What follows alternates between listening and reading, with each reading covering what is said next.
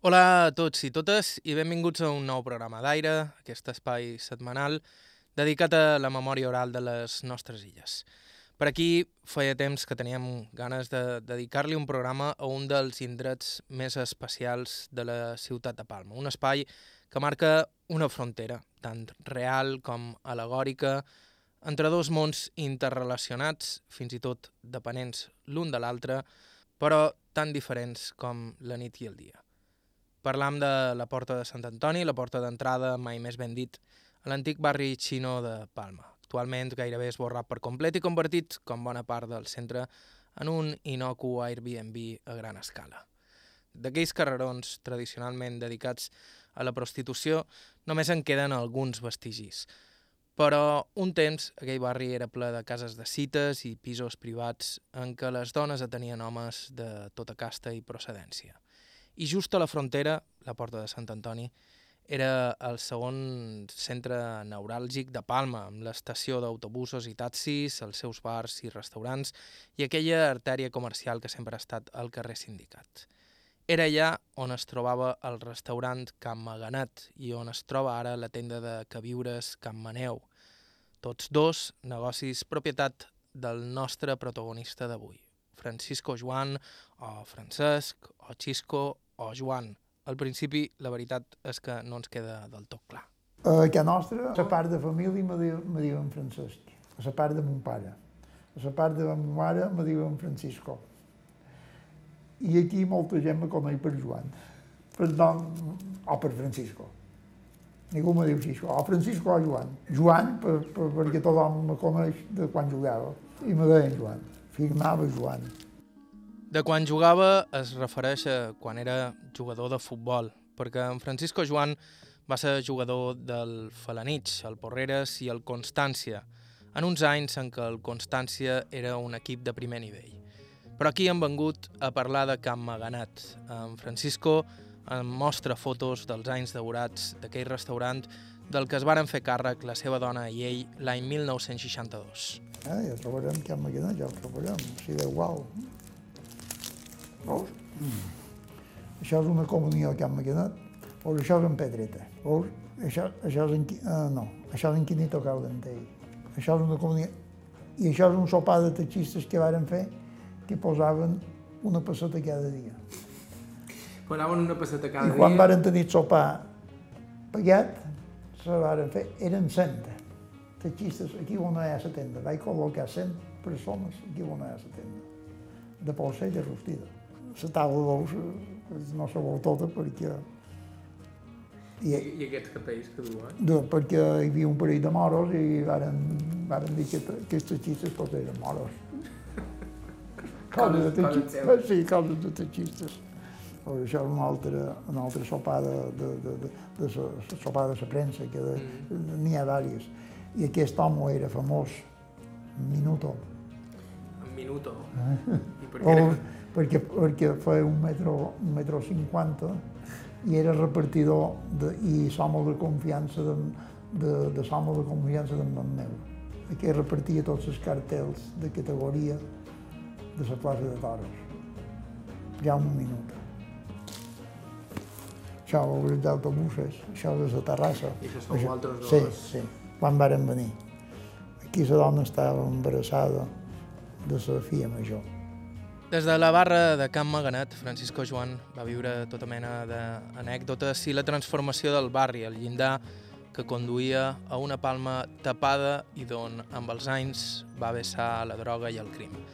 Però aquesta és només una part petita de la vida d'un home excepcional que va ser porter professional, va tocar de prop el contraband i va convertir-se en restaurador per accident, però va acabar tenint un dels restaurants més importants de ciutat. En el programa d'avui sentirem la seva història, o les seves històries, que hi ha molt per contar. Estau escoltant Aire a IB3 Ràdio, us parla Joan Cabot, començam. Música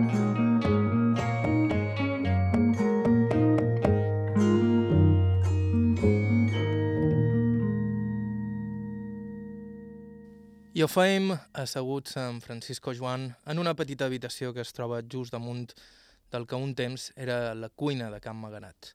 Ell mateix es presenta i ens conta bona part de la seva vida d'una tacada. Jo som Francisco, de nom, i d'apellido som Joan Obrador. Vaig néixer el dia 8 de febrer del 37 i... I, néixer I vaig néixer a Felanitx. Mon pare va morir que jo tenia 3 mesos. Mon mare no tenia molta salut. Tenia, tenc un germà major de 4 anys, no guanya de 4 anys, i vaig anar tota, a part de cedida que vaig tenir, vaig viure fins a 7 anys i mig eh, en sa padrina, en sa mare de ma mare, i una tia fadrina que teníem, a Som Mestida.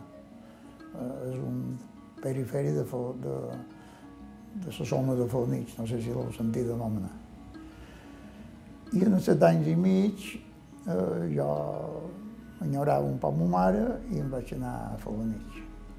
Vaig anar a una escola, un any a escola, fins als vuit anys i mig, a escola a graduada. I vaig començar a jugar a futbol, eh, en futbol, llavors li deien futbol 5, que dins el pati de Sant Alfonso, des de dins a Fornich futbol eh, ara 7, llavors eren 5. No? I en els 8 anys i mig, perquè les circumstàncies mandaven, un germà de ma mare, que estava en Estrenc, me'n vaig anar a Estrenc, a fora vila, i me vaig criar allà fins que vaig tenir 15 anys, fins que vaig dir... Me'n vaig, jo sempre he estat molt de ma mare, me'n vaig estar amb ma mare, me'n conor de tot. Allà teníem estàvem en una finca que se deia Les Arenes, a Ferrat a Savall i a les Salines, i, i en els 15 anys vaig dir en el tio, jo me'n vaig a Can Nostra. Em vaig anar a Can Nostra i em vaig posar a fer de, de gerrer. Feia taules de fang, rajoles d'aquestes famoses de Pol de Terrassa, i vaig fer feina de 8 anys d'això.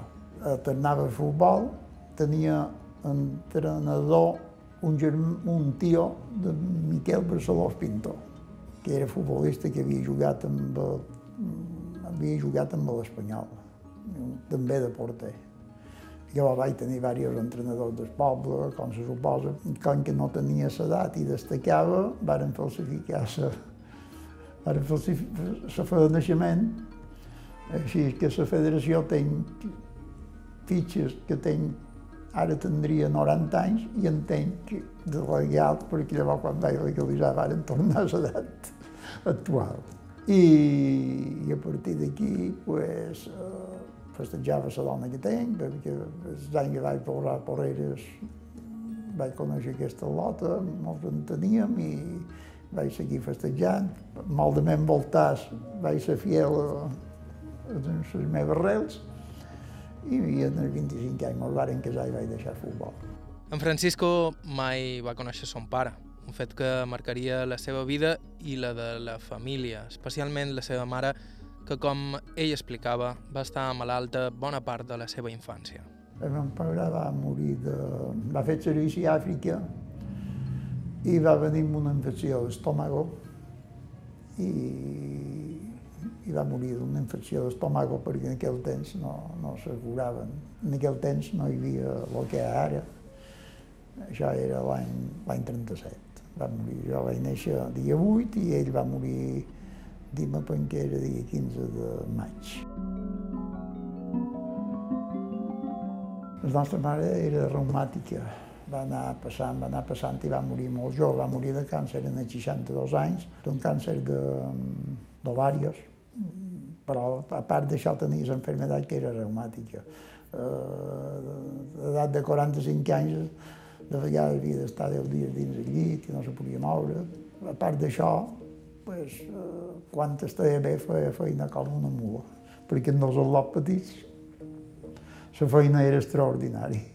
Era una dona petiteta, feia 54 o 5, quan, quan estava bé feia 52 o 3 quilos, un metro 60, mon pare era molt gran, però ma mare era molt petita, molt nerviosa, molt fanera, i supos que una bona dona perquè Felanits tenen bon record d'ells. Li deien la Margalida la viuda, perquè 25 anys va quedar viuda. Quan va quedar viuda tenia 25 anys. pràcticament fins als 15 anys no, no la vaig veure. Deu ser dur per un nen no veure ta mare. Per jo sí. A més, jo no vaig tenir mai. No sé jugar. Jo l'únic que vaig aprendre a jugar a futbol i a buldufos. No. No sé jugar ni sé fer un, una carícia a un nen petit, no sé, jo no vaig tenir mai.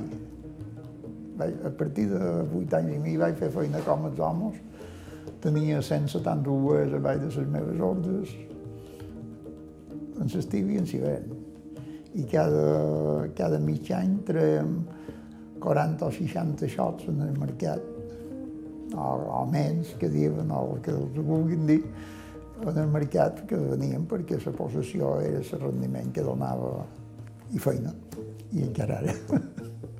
És parlant d'aquesta primera feina, guardant ovelles, que apareix per sorpresa el tema del contraband. Les arenes era una zona habitual per descarregar d'estraperlo. El que no sabíem és que en Francisco tot això ho sabia de primeríssima mà. Sí, comptes del 37, era el 36, vaig començar a guardar 170 ovelles, vaig de la meva responsabilitat, fins vaig estar 6 anys. Per aquella zona, en la valla prop, hi havia molt de contrabando. No sé si, si fareu veure.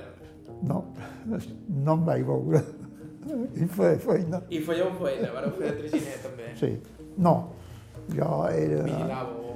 Eh, jo era l'esborrador de les huelles, en la guarda de huelles, quan havien descarregat.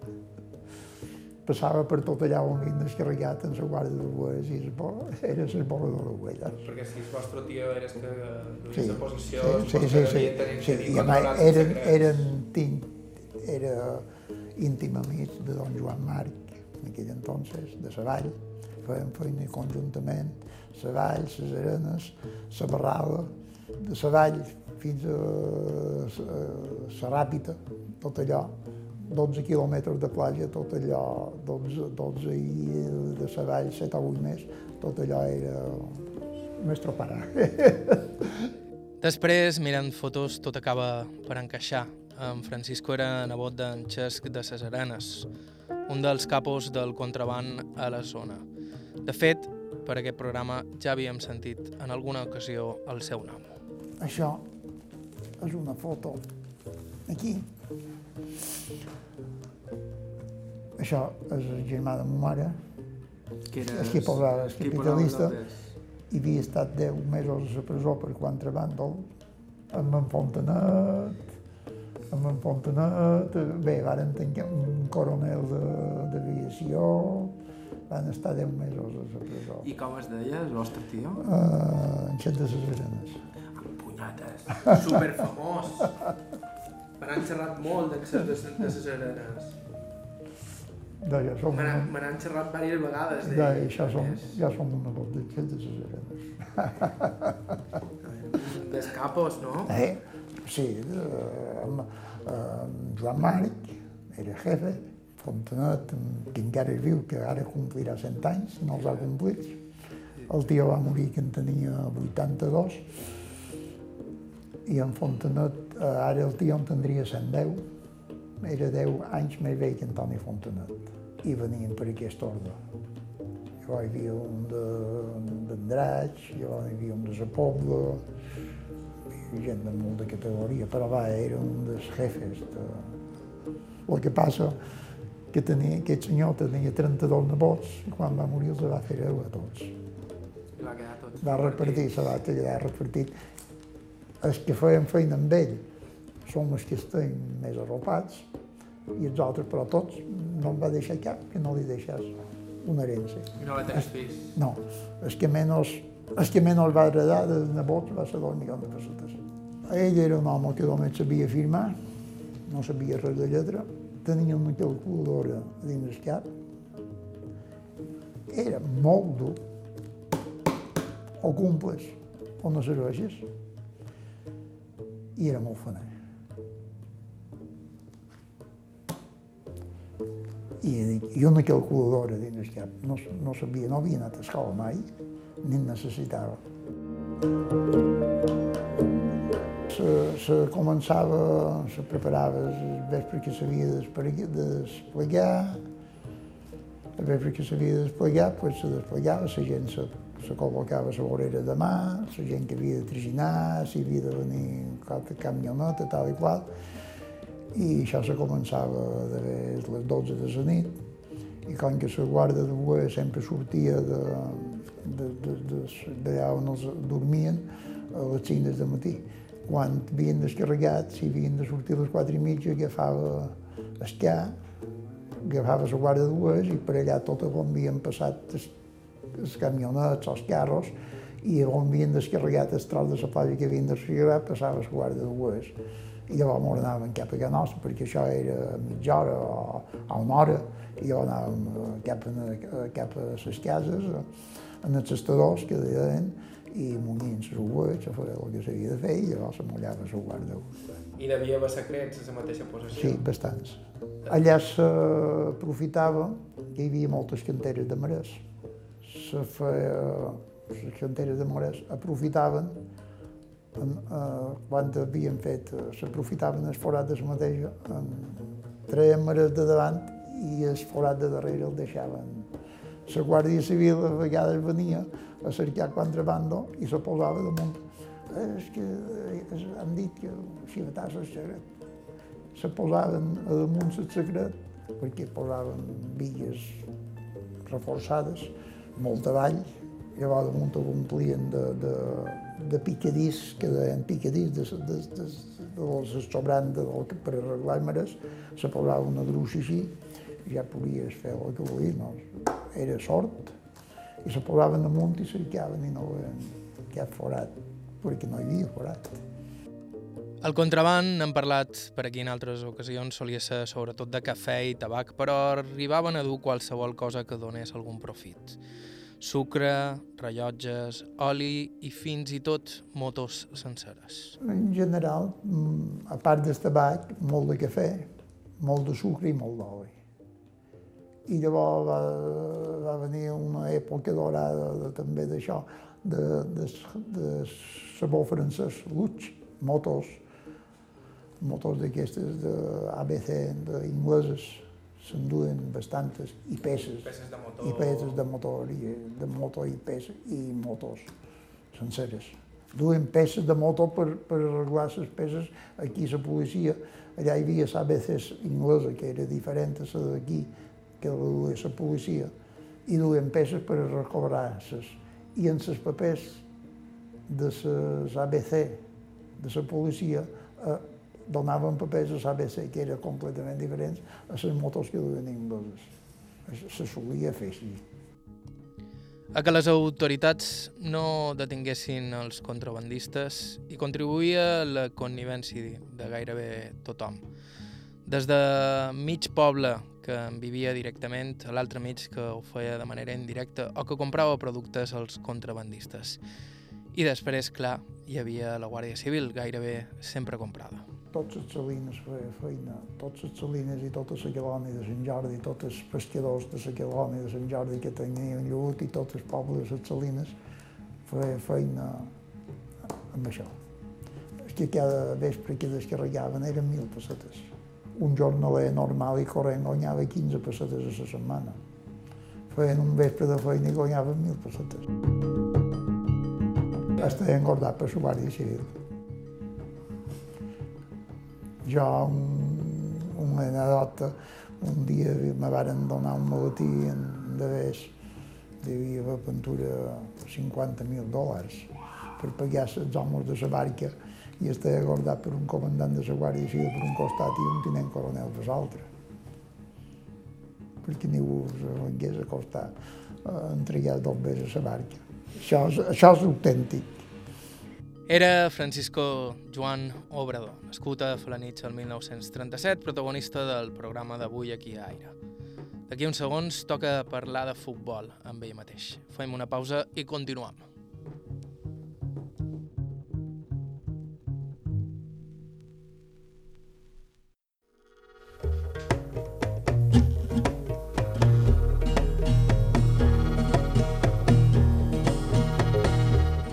Hola de nou, esteu escoltant Aire a IB3 Ràdio. Si alguna cosa m'ha après en aquest programa, després de més de 70 episodis i ja han perdut el compte de quantes entrevistes, és que molt poca gent és plana i unidimensional. Quan has fet 80 anys o així, ja t'ha donat temps, en molts casos, de viure diverses vides, a ser diverses persones, totes elles dins el mateix cos. Francisco Joan, el nostre protagonista d'avui, n'és un bon exemple. Fa uns segons el sentíem parlar-nos dels seus anys de nin, a Falanich, on va néixer, orfe de pare, amb una mare malalta, va anar a viure amb un padrí jove seu que resultasse un dels capos del contraband a la zona. Però amb Francisco era alguna cosa més que el pastor encarregat d'esborrar amb la guarda el rastre que havien deixat els contrabandistes la nit abans. Des de jove havia començat a destacar com a futbolista, en concret com a porter, i formaria part d'una de les alineacions històriques més importants del Constància, llavors un equip de primer nivell. Sí, vaig formar d'aquella època, vaig formar d'una de les puntilles amb en Romero, amb en Romero, amb en del Pozo, en Samacona, que els, potser els sentits en en Bernat Mateu. Varen fer segons a la Lliga, només varen perdre tres partits en, totes, en tota la temporada i varen fer, bueno, va ser apotòsic, l'ascenso llavors que va venir davant, va ser molt bo. I també en uns anys que hi havia molta afició. Que hi havia molt de, molt, I molt de dobbes. Cobràvem proporció molt més que ara cobra dels jugadors de segona del Mallorca. Entrenàvem tres dies per setmana en els equipos aquests més fluixets i en el Constància entrenaven cada dia. En el Constància sí que entrenaven cada dia, cada dia, cada dia. Constància ja era un equip professional total i mos pagaven molt bé, sigui que estàvem molt ben pagats és que l'afició d'Inca, els altres equips eren regulars. Jo sempre vaig cobrar un dels barets, però l'afició d'Inca era regular perquè la fàbrica de sabates feia mitja hora de feina diari per jugadors del Constància i ens donaven de primes. L'estipulació, a part de la fitxa, era que per ti guanyat a casa a Inca eren 500 pessetes i a fora eren 1.000 però no hi va haver cap vegada, cap, varen perdre tres partits en tota la temporada, no hi va haver cap partit que no m'ordenàssim de 2.000 a 5.000 pessetes de prima cada diumenge. I ho pagava els treballadors de les fàbriques de sabates del Constanci. Era l'any 56. Comptau quina quantitat era, a part de la fitxa de la mensualitat que jo cobrava, perquè vivia a Inca, era un extern, i els jugadors que vivien d'Inca, que, que venien de fora que vivien a Inca, cobraven més de la fitxa, cobraven un sueldo mensual, més primes. En aquells temps, el futbol regional tenia un seguiment increïble, impensable avui dia. Els camps s'omplien, fins i tot els d'equips de pobles com Falanich o Porreres. Quan vaig jugar un any a primera regional, amb el Falanich, primer any que vaig jugar amb fitxa falsificada, jugàvem a primera regional i allà venien 1.500, a dins del Torrentó venien 1.000-1.500 persones cada diumenge. I llavors vaig anar al Porreres, el primer any va ser molt fluix en el Porreres, però el segon any que varen fer un equip se podia decidir de Campanilles perquè va venir en Tomeu Sales, que venia del Mallorca, que havia jugat amb el Múrcia de central, en Pepito Moreno, que també havia jugat amb el Mallorca, en Enrique Agustí, que havia jugat a primera divisió amb l'Espanyol, que era tres veteranos de 35 anys, amb un equip del Lots quan jo de 20 anys. I a Porreres hi anaven 3.000 persones cada diumenge, cada diumenge, no, no era barata, sempre se posava així. I l'equip que cada diumenge guanyava, només varen perdre amb aquests equips només vam perdre amb el Mallorca, amb el Baleares, amb el Constància vàrem empatar 0-0, vàrem guanyar el Manacor, vàrem allà dins, allà era una fortalesa. I si no podia, que el temps de futbol no era com ara, era un altre tipus de futbol, més directe, més, més dur, o sigui, o eres atleta o no... A part de la tècnica que podies tenir, havies de tenir físic per aguantar. Puc presumir de sa, que de 50 metres, un sprint de 50 metres no, trobat, no trobava ningú que me guanyés. Més, feia 100 metres, sent jugant de porter, feia 100 metres en 12 segons. Tenia un, uns reflejos excepcionals. Era un, un atleta que m'agradava a dins la porteria, si podia volar, volar. Puc ensenyar fotos i puc ensenyar coses d'això, perquè és, només hi ha fotos, però els puc ensenyar. Però i m'agradava la guerra.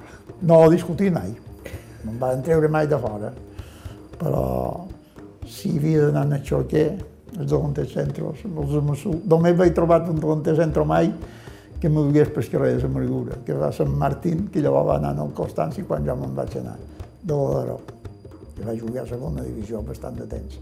Era del, dels dits més alt que jo, o tres, i era un tio valent, més no por i a part d'això tenia una, unes característiques que se carregava el porter, tenia una, una facilitat per dur-se els porters per davant.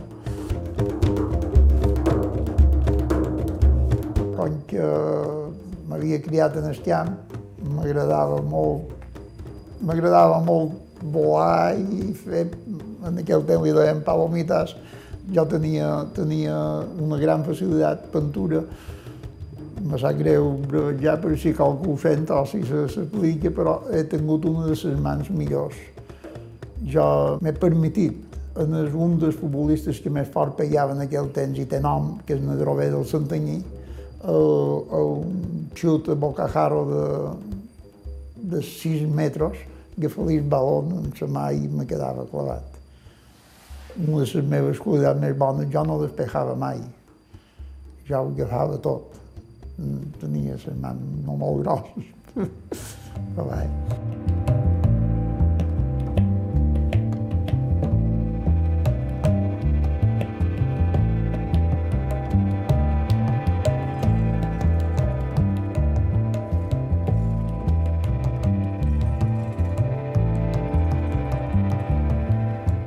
Aquell era, sobretot, un altre tipus de futbol, completament diferent al d'avui en dia, més agressiu i més físic. I directe. Jo el futbol d'ara no, no ho puc sofrir. És que hi ha partits que xuten dos o tres pits a porta. Llavors, llavors tiraven 30 o 40 vegades a porta. Futbol d'ara hi ha coses molt guapes, tècnicament és perfecte, però nosaltres el nostre balon pesava 750 grans i el balon d'ara pesa 300 grans, si els pesa. I si trobaves un dia d'aigua, el balon pesava un quilo. Els futbolistes d'ara no crec que el moguessin, perquè eren de, de, ara són de plastificats i llavors eren de cuero. No, jo ja no vaig jugar més que el primer any en, en, en, d'això, en cordó ja, a partir del de, de, de, de segon any ja, ja, ja jugàvem amb balon de vàlvula. O sigui que conec el cordó, però ja va ser les darreres coses del cordó. Eren atletes, no, atletes naturals, no prefabricats. És una altra història. Perquè ara fa molt de futbolistes dins el gimnàs. Jo no he vist aquest gimnàs mai. Bueno, sí, he vist un gimnàs ja vaig tenir d'entrenador, perquè vaig començar a jugar a futbol fa 38 quilos, i vaig tenir entrenador físic el padrí, el padrí del campió d'Espanya d'empenya, que està a Falanich, de l'atleta de, de...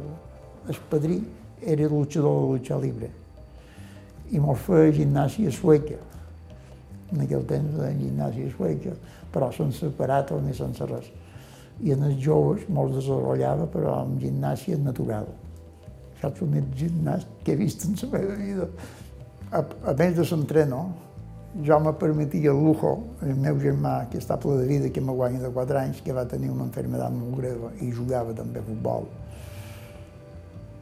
Uh, nosaltres, jo i el meu germà, amb ma mare qualque dia, quan uh, estem que estava a o quan me vaig anar que no, el nostre entrenador, part dels entrenadors futbolístics, era el de matí xiquem-nos a les 5, anar a Sant Salvador i de ballar. I pujàvem en 40 minuts des Torrentó a Sant Salvador en 40 minuts i solíem de ballar en menys de 40 minuts. a campo a través. Això era el, el subentrenor que fèiem, no tots, però bastant de jugadors. No, jo, jo nosaltres anàvem a Sant Salvador perquè érem felanitxers, havia altres que feien altre, altre tipus de port, però... I en l'estiu entrenava a Montserena. Entrenaven a Montserena perquè te posaven les cames com, com, com això. Posaven les cames com una pedra. Jugar a futbol a Montserena, fer lucha libre, feien de tot. A part d'això, hi ha una anedota molt bona, i és que quan vaig fitxar a tercera divisió, me van dir que per, fer, per treure la fitxa havia de jugar al campionat de Baleares de balonmano de frente de joventuts. Però jo jugant a tercera i entrar, si no, no hi ha fitxa. I de frente de joventut són campió tres anys de Baleares de frente de joventut de, de les Isles. De balonmano. De balonmano. Francisco Joan va formar part d'un Constància històric. Com a porter va estar fins i tot a punt de fitxar pel Mestalla, però en lloc d'això va decidir tornar a Mallorca per estar a prop de la seva família i la que seria la seva dona. En tot cas, li va donar temps a viure des de dins els anys daurats del futbol regional a les illes. A dins Baleares, a dins les illes, perquè hi havia el Menorca, el Maó, el Ciutadella, l'Alaió, que anàvem a Menorca tant en quant, era l'època, va ser l'època per jo, eh, aquí venia ser, aquella era una tercera, que ara crec que seria una segona aventura A, els punteros. Els punteros, els mitjans no. Però va ser una època dorada de futbol, aquí era com, com si fóssim internacionals, era una cosa excepcional. Va ser una època des del 55, que el Mallorca jugava segona. Quan va davallar tercera, va ser una època fins que llavors, fins que va venir a Mallorca, va venir Lorenzo, que de tercera el va pujar a primera, que van ser set o vuit anys, que va ser eh, una cosa extraordinària. I jo me record perquè em vaig fer molt amic d'Andoro, em vaig fer molt amic de d'en Goroscales, molt amic de, molt amic d'en Mora, d'en Guillamont, en, en Guillamont ja el tenia de client, i quan el Mallorca va fer l'equip que va jugar al campionat d'Espanya, que jo tenia una quarantena d'anys, que ja, ja regentava aquest maquinat, me varen venir a cercar, i vaig dir, jo no he jugat mai amb Mallorca, dic, és igual, necessitam un porter, i amb en Mora, en Martí Mora, eh, que eren molt amics, són de la mateixa quinta, varen ser dos porters que varen jugar al campionat d'Espanya de veteranos i varen fer subcampions vàrem eliminar l'Espanyol, vàrem eliminar el Terrassa, vàrem anar a Sevilla i el Sevilla molt va guanyar la final. Vaig estar de baix sense entrar dins un camp de futbol, redons. Vaig retirar 25 i 20 35. Vaig, vaig, em vaig dedicar al negoci i vaig estar de baix redons sense entrar ni dins un camp de futbol. Sí, perquè en el final de que la meva carrera deportiva vaig veure coses que, que han passat sempre. Com per exemple? Se venien equipos, se compraven àrbits... I era habitual, això? Els, els equipos poderosos, sí. Don dinero. És don dinero. En Francisco encara du els colors del Constància i el Falanitx al cor. I em tem que també els d'un altre equip en qui comparteixen el color blanc de les seves camisetes. Jo, el meu equip, i ho fem molt perquè va malament, el Constància en guanya tercera fa ridícul, i el Fulanich té any bons i any mans. No som mallorquins. Vull que guanyi el Mallorca, eh? però no som mallorquinistes. Ni, ni som baleàrics. Jo vaig estar a punt de fitxar pel Baleares. Estem en vermell i estem de,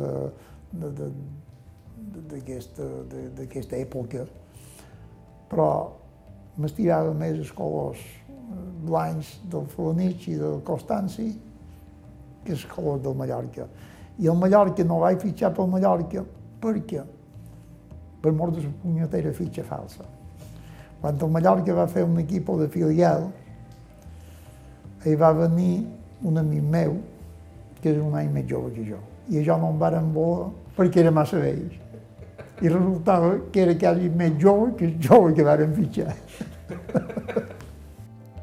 Estau escoltant Aire a IB3 Ràdio, un programa sobre la memòria oral de les illes. Fem una breu pausa i en uns segons parlam, ara sí, del restaurant Camp Maganat i de la Porta de Sant Antoni de Palma.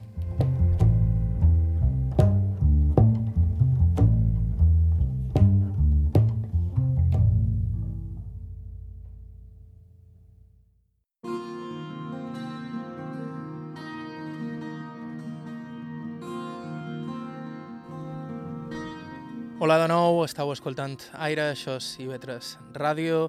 Continuem amb el programa d'avui protagonitzat per una d'aquelles persones amb una vida que ens costaria inventar-nos.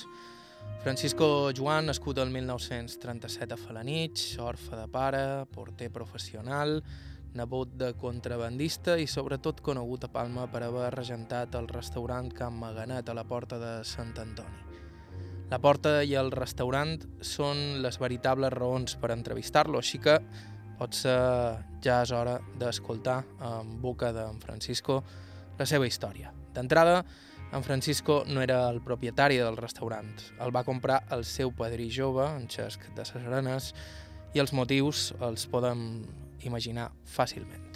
El jo supos que per blanquejar del bes. Per blanquejar del bes va comprar els de, Can Maguenet, que llavors era un restaurant casero, bastant famós, no, no molt, però eh, va pagar un milió i mig de traspàs l'any 62. I llavors va fer una altra reforma d'un milió i mig. I durant 4 o 5 anys va ser un dels restaurants més destacats de Mallorca. Aquí tenia, tenia en Balanyà, que venia posta només per menjar bullit de Barcelona, bullit mallorquí. Tenia en Bonneu, que era el seu secretari, que se, colma, que se cuidava de la plaça d'aquí de, de Mallorca. Tenia el Vall de Mossa, tots eren clients d'aquí del restaurant. Tenia en Tomeu de les Pipes, en Xep Fortesa, que era molt íntim amic perquè estem que va jugar amb el Constanci, ell era soci del Constanci, encara som amics de la seva viuda, ve a comprar la tenda. L'escultomí, que era falanitxer, el Xovaloies, en Bonet de Sant Pedro, en Pere Serra, en Pep Tous, del Balear, a més, molt d'altres que és autèntic, però en aquell moment no hi havia gràfic, no se feia això de que se foto, tal i qual. Però hi havia gent que se desplaçava a posta perquè el dijous feien bullit. Hi havia gent que se desplaçava a posta de tota Sirla i de, de, només per menjar bullit a Can, a Can Maganet. L'especialitat de Can Maganet era la cuina mallorquina, la cuina de tota la vida, feta amb bona matèria prima i sobretot molta substància. Tota cuina mallorquina. Uh, feien quatre chateaubrians, quatre solomillos, cosa que qualque client especial, però tot va ser de frit mallorquí, menudillos de gallina que no em trobes ara per lloc, sopes mallorquines, el bullit mallorquí, no, bull, no bullit madrileny, que no té res que veure, callos, que encara tens olla, una, una olla de 25 quilos de callos, tot, tot a base de plat mallorquins, arròs brut, i després hi havia el bullit, el plat estrella de la casa, juntament amb el llonguet porreranc. Tenien una bona tallada de, de, de carn, una bona tallada de pollo, una bona tallada de ventresca porc de damunt del llom, aquella ventresca blanca, patata, col, eh, un, pot de pastanagó, o pastanalla, que en aquell temps, una ceba, pintura qualque ingredient més que no m'acord, i llavors sempre hi posàvem, no sé, això perquè això no era molt mallorquí, una cuirada de ciurons grossos en el costat. I primer se menjava la sopa. D'aquest caldo se feia plat de sopa i llavors se feia plat de... Ah, un botifarró. I qualque, qualque, qualque ingredient que si, fos, si tingués la dona, diria. I cuinaves a vostra dona? Sí.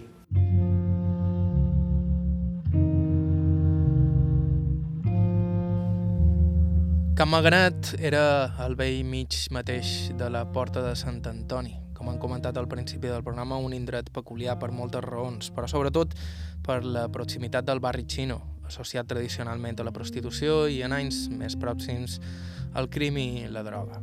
En Francisco, però, té una visió del barri que contrasta amb el que la majoria podrien pensar. La Porta de Sant Antoni era un punt de reunió de tots els pagesos de Mallorca, tots els pagesos se reunien a Can Salat i aquí, eh, se feien molt de negocis agrícoles. Hi havia les avenides que se feia el baratillo que valen, que s'omplia de melons i de gas i de... I era el punt tecnològic de la pagesia de, de Mallorca. Hi havia la central d'autobusos, que encara, encara està separada, encara és. Hi havia la parada de taxis, que sí, que no arribava a pintura a la plaça d'Espanya, però perquè la plaça d'Espanya per mort d'estrena i això era una, altra, era una altra cosa, però com a indústria aquí de la pagesia, que era el punt clave de la pagesia, se feien de cavall, cavall de carreres, de toros, i a part, les senyores del barri allò acabaven de completar, que eren unes senyores. Tots els respectes a tothom, les senyores d'aquell temps eren senyores. Jo vos puc dir que les senyores varen criar les meves filles. Uh, a fora de casa seva no coneixien ningú.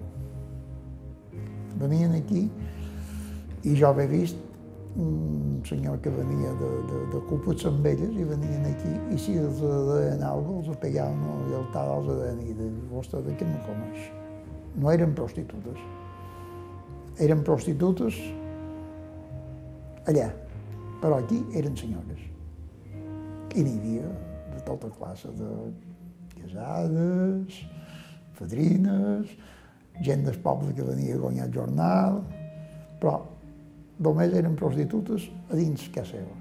No hi havia droga, i si n'hi havia, era mínima. Jo no, no me vaig donar compte de droga, de la droga fins que va morir, fins que va morir en Franco. Era un altre món. La convivència era molt bona, perquè, ja dic, a fora del barri, aquestes senyores eren senyores.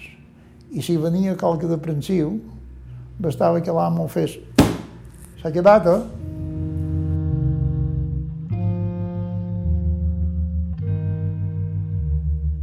Totes aquelles tres tot eren cases de cites i cases de dones, i dones que vivien allà i se dedicaven a la prostitució i que vivien dins aquelles cases.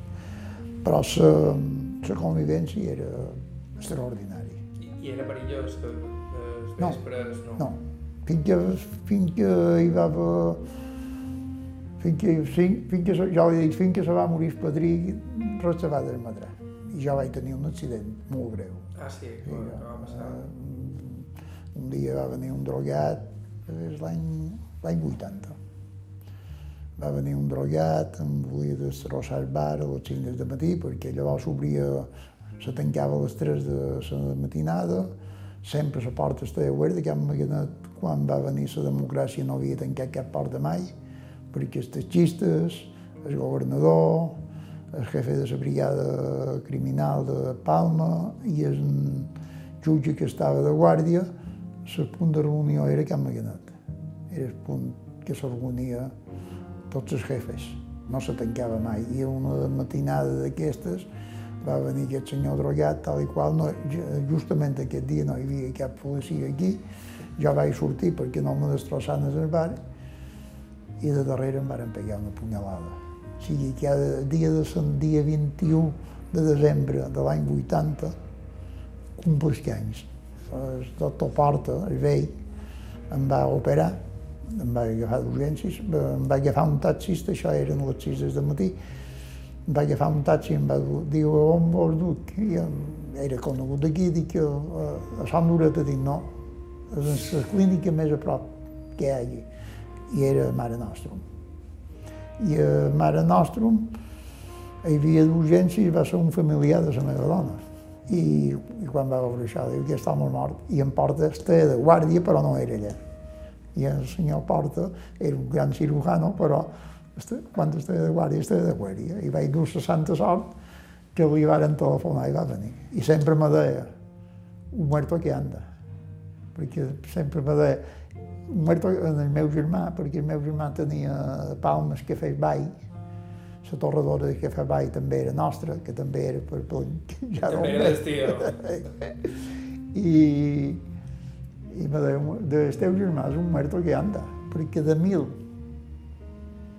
que han, han tingut aquest accident, 999 i mig són morts, perquè em va agafar aquí 5 centímetres per 16 de fondo a 2 centímetres d'escó i vaig dur la santa sort que no, no, em va tallar, no em va tallar cap puesto vital. Malgrat aquest ensurt, que podria haver acabat fatal, costa sentir-li en en Francisco una mala paraula sobre la porta de Sant Antoni. Fins i tot en parla amb nostàlgia. En Francisco em mostra un paper on va apuntar el nom de tots els bars i restaurants que hi havia al barri, ara poblat de franquícies i tendes xineses.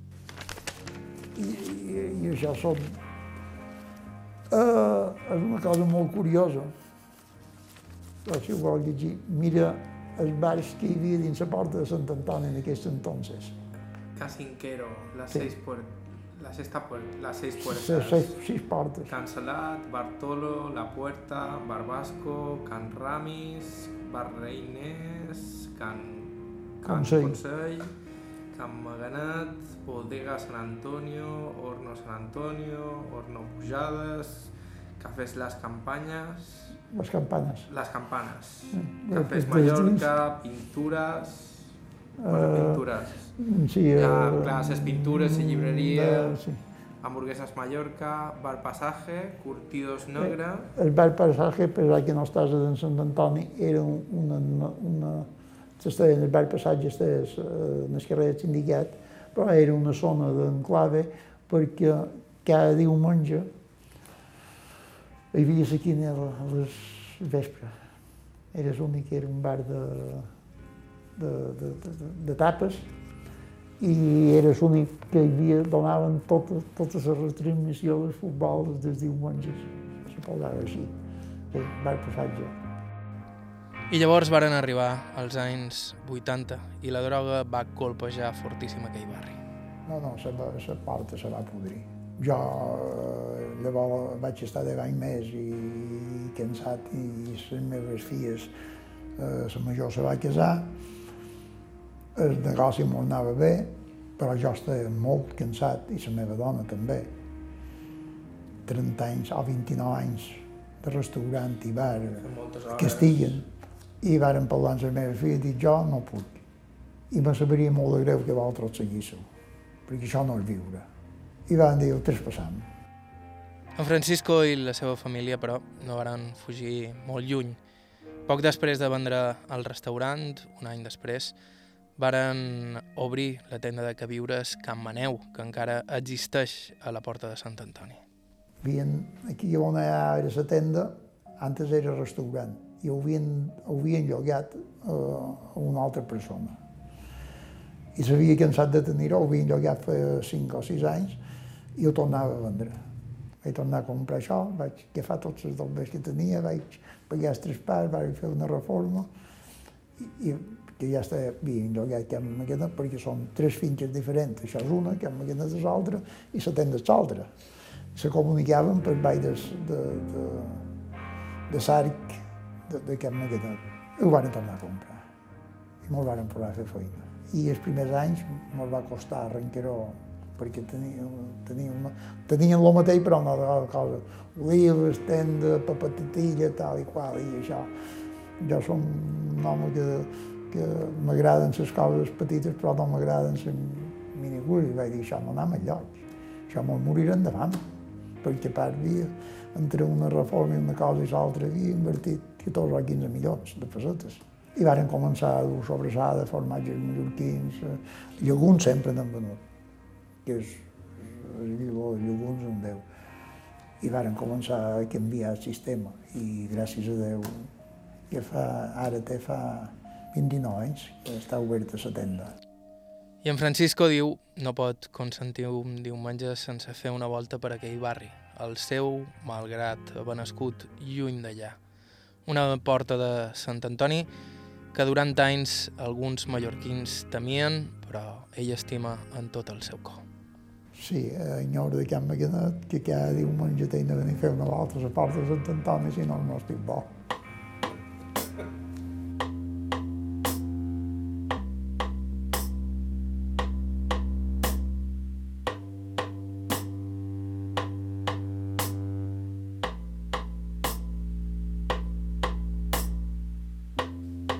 I fins aquí el nostre programa d'avui. Gràcies a Francisco Joan i les seves filles pel seu temps i la seva amabilitat i gràcies a l'historiador i amic Tomeu Canyelles que va ser qui ens va suggerir anar a xafardejar per Can Maneu. Ja sabeu que si ens voleu proposar alguna entrevista ho podeu fer enviant-nos un correu a aire arroba i que també ens podeu seguir a Facebook i Instagram. Si vos voleu subscriure al podcast del programa ens trobareu a iTunes i de més serveis similars. L'arxiu complet del programa el teniu a ivetresalacarta.com.